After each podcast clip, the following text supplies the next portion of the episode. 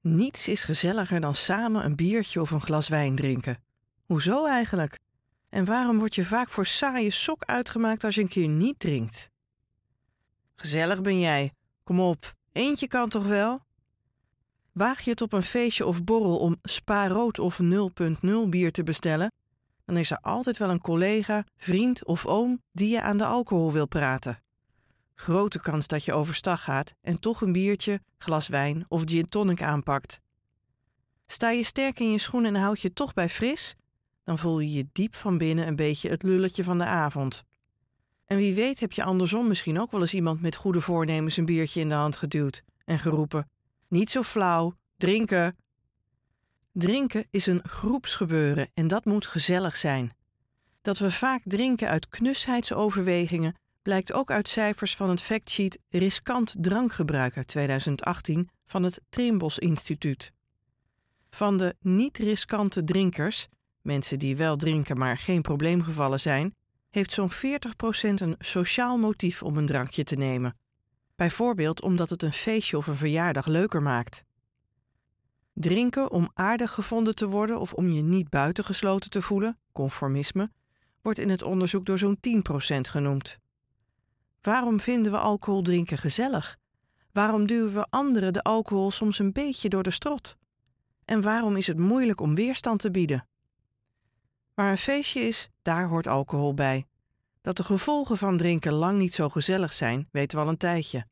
En uit een grootscheeps onderzoek uit 2018 van de Britse Cambridge University onder bijna 600.000 mensen blijkt ook het idee dat één glaasje alcohol gezond is een fabeltje. Helemaal niet drinken is het best. Inmiddels zijn de adviezen van het voedingscentrum daar ook op aangepast. Ze adviseren om niet of hooguit één glas per dag te drinken. Toch zijn we al sinds mensenheugenis verzot op alcohol. Alcohol bezorgt je nu eenmaal een fijn gevoel. Het werkt in op het beloningssysteem in je hersenen, onder meer het striatum, een gebied midden in je brein, dat zorgt voor blijmakende stoffen waardoor je je lekker voelt. En vredelievender, zo bleek al uit onderzoek naar ruziezoekende albino-ratten uit de jaren 50 van de Amerikaanse psycholoog John J. Conger. Hij gaf de beestjes drank en ontdekte dat beschonken lapratten minder snel ruzie maakten dan nuchtere ratten. Dat niet iedereen vredelievende wordt van alcohol blijkt uit onderzoek naar een kwade dronk. Waarom drinken we zo graag samen met anderen? Ten eerste voelen we ons meer op ons gemak als we weten dat die ander een slok op heeft. Zo bleek al uit een sociaal experiment uit 1974 van de University of Iowa. Een groepje sociaal angstige, lees erg verlegen mannen werd gevraagd om een paar dames, onderzoeksassistenten, maar dat wisten ze niet, aan te spreken. Dat bleek minder eng toen ze dachten dat de vrouwen gedronken hadden. Die zouden met een slok op vast wel vrolijk reageren, was het idee. Kortom, je denkt dat anderen er aardiger van worden en zelf gedraag je je socialer. Als je een ander iets te drinken aanbiedt, dan is de kans groot dat hij of zij gezellig meedoet. De reden? Imitatiegedrag. Dat ontdekten onderzoeker Martine Groefsema en haar collega's van de Radboud Universiteit in Nijmegen in 2019 tijdens een studie naar sociaal gedrag en alcoholgebruik. We wilden eigenlijk weten of de reactie in de hersenen op plaatjes van alcohol zich vertaalde in daadwerkelijk meer drinken. Dat bleek niet het geval. Maar Groefsema vond wel iets anders: het imitatie-effect. Het onderzoek in het kort? Een deelnemer, in werkelijkheid een acteur, hief tijdens het onderzoek het glas met een aantal echte proefpersonen. Deze acteur dronk, wisselend per deelnemer, één of drie biertjes. De meeste proefpersonen dronken, vermoedelijk zonder het zelf te merken, evenveel als de acteur. De acteur pushte de ander niet, maar vroeg: Ik neem een biertje, wat wil jij? legt Roefsema uit. Kennelijk willen mensen zo graag het gedrag van de ander nadoen dat ze vaak al zonder dwang het drinkgedrag kopiëren. Dat gaat onbewust. De personen in het onderzoek hadden dan ook totaal niet door dat hun gedrag werd beïnvloed door de acteur. Maar soms gebeurt die beïnvloeding wel bewust.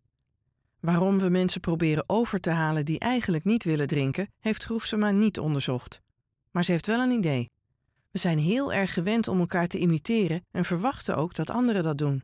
Gebeurt dat niet en drinkt de ander niet mee, dan voel je je een beetje afgewezen. Dat imitatiegedrag zo belangrijk is, komt omdat het ons is aangeleerd. We doen het van kinds af aan om te laten zien dat we iemand aardig vinden. Dat moet ook wel, want kinderen leren door gedrag te imiteren. Een kleuter trekt bijvoorbeeld de hakken van zijn moeder aan omdat hij ziet dat zij ze altijd aan heeft. Dat imitatie-effect is ook te zien bij alcoholgebruik. Zo blijkt uit wel meer onderzoeken, zegt Groefsema. Drinken doe je in een sociale setting waarin het vaak gezellig is. Dat zit in onze cultuur. Op een feest of verjaardag komt het bier of de wijn op tafel. Drinkt iemand geen alcohol terwijl jij dat wel doet, dan wil die kennelijk niet meedoen aan de alcoholische gezelligheid waaraan we zo zijn gewend. Dat vinden we dan al snel ongezellig. Voor de alcoholvrije persoon is het daarnaast ongemakkelijk om een biertje af te slaan. Dat komt omdat mensen graag bij een groep horen. Dat vinden we zelfs lekker, zo blijkt in 2013 uit een klein onderzoek van de Erasmus Universiteit Rotterdam. Proefpersonen moesten raden hoeveel stippen ze op een scherm zagen terwijl hun brein bekeken werd in een fMRI-scanner. Ze kregen ook te horen dat ze ingedeeld waren in een groep: geel, paars of blauw. Daarna zagen ze welke aantallen stippen hun groepsgenoten hadden geraden. Raden ze hetzelfde aantal? Dan lichtte bij de meeste het striatum op, die eerder genoemde plek midden in het brein, die ervoor zorgt dat er blijmakende dopamine vrijkomen, bij een orgasme of lekker eten bijvoorbeeld. Meedoen met de groep geeft kennelijk net zo'n gevoel. En omdat drank op datzelfde systeem werkt, biedt drinken met een groep dubbel pret. Daarnaast doet het juist pijn om niet bij een groep te horen. Dat is letterlijk te zien in je brein, bleek uit onderzoek van de Amerikaanse Purdue University uit 2011. Daarbij speelden mensen een computerspel waarbij ze plots werden buitengesloten en niet meer konden meedoen. Op dat moment werd voorin hun hersenen de cortex singularis anterior actief, een stukje brein dat ook bij lichamelijke pijn aanslaat. Logisch dus dat je gewoon meedoet met de groep en dat biertje niet afslaat. Veel te pijnlijk. Nu gaat de een gemakkelijker overstag dan de ander. Waar ligt dat aan? Verschil in zelfbeheersing is al bij kleine kinderen te zien. Tijdens de bekende marshmallow-test uit 1972 van de Amerikaans-Oostenrijkse psycholoog Walter Mischel kregen kleine kinderen een marshmallow voor hun neus. Als ze wachten met opeten, zouden ze er nog eentje krijgen. Sommige kinderen wachten braaf, hopend op hun beloning. Anderen propten de marshmallow direct in hun mond. Die laatste groep zal nu vermoedelijk sneller een biertje van je aannemen, ondanks goede voornemens. Zelfbeheersing is deels aangeboren, maar minstens even belangrijk is je omgeving, je opvoeders en vrienden.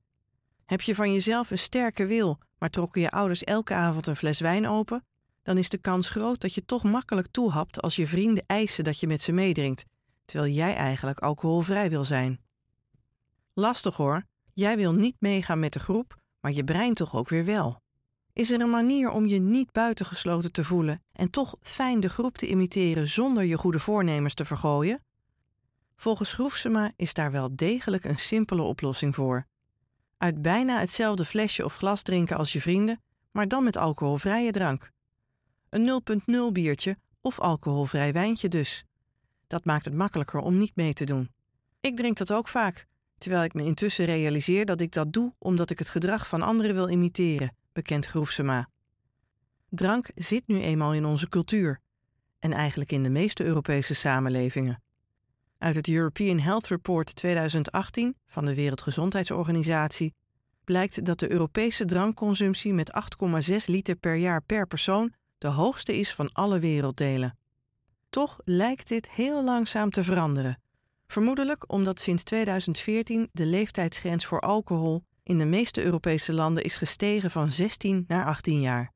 Het lijkt te werken. Het totale alcoholgebruik in Europa is sinds die tijd afgenomen met bijna 4% Maar het idee dat drank gezellig is, dat zal voorlopig niet zomaar verdwijnen.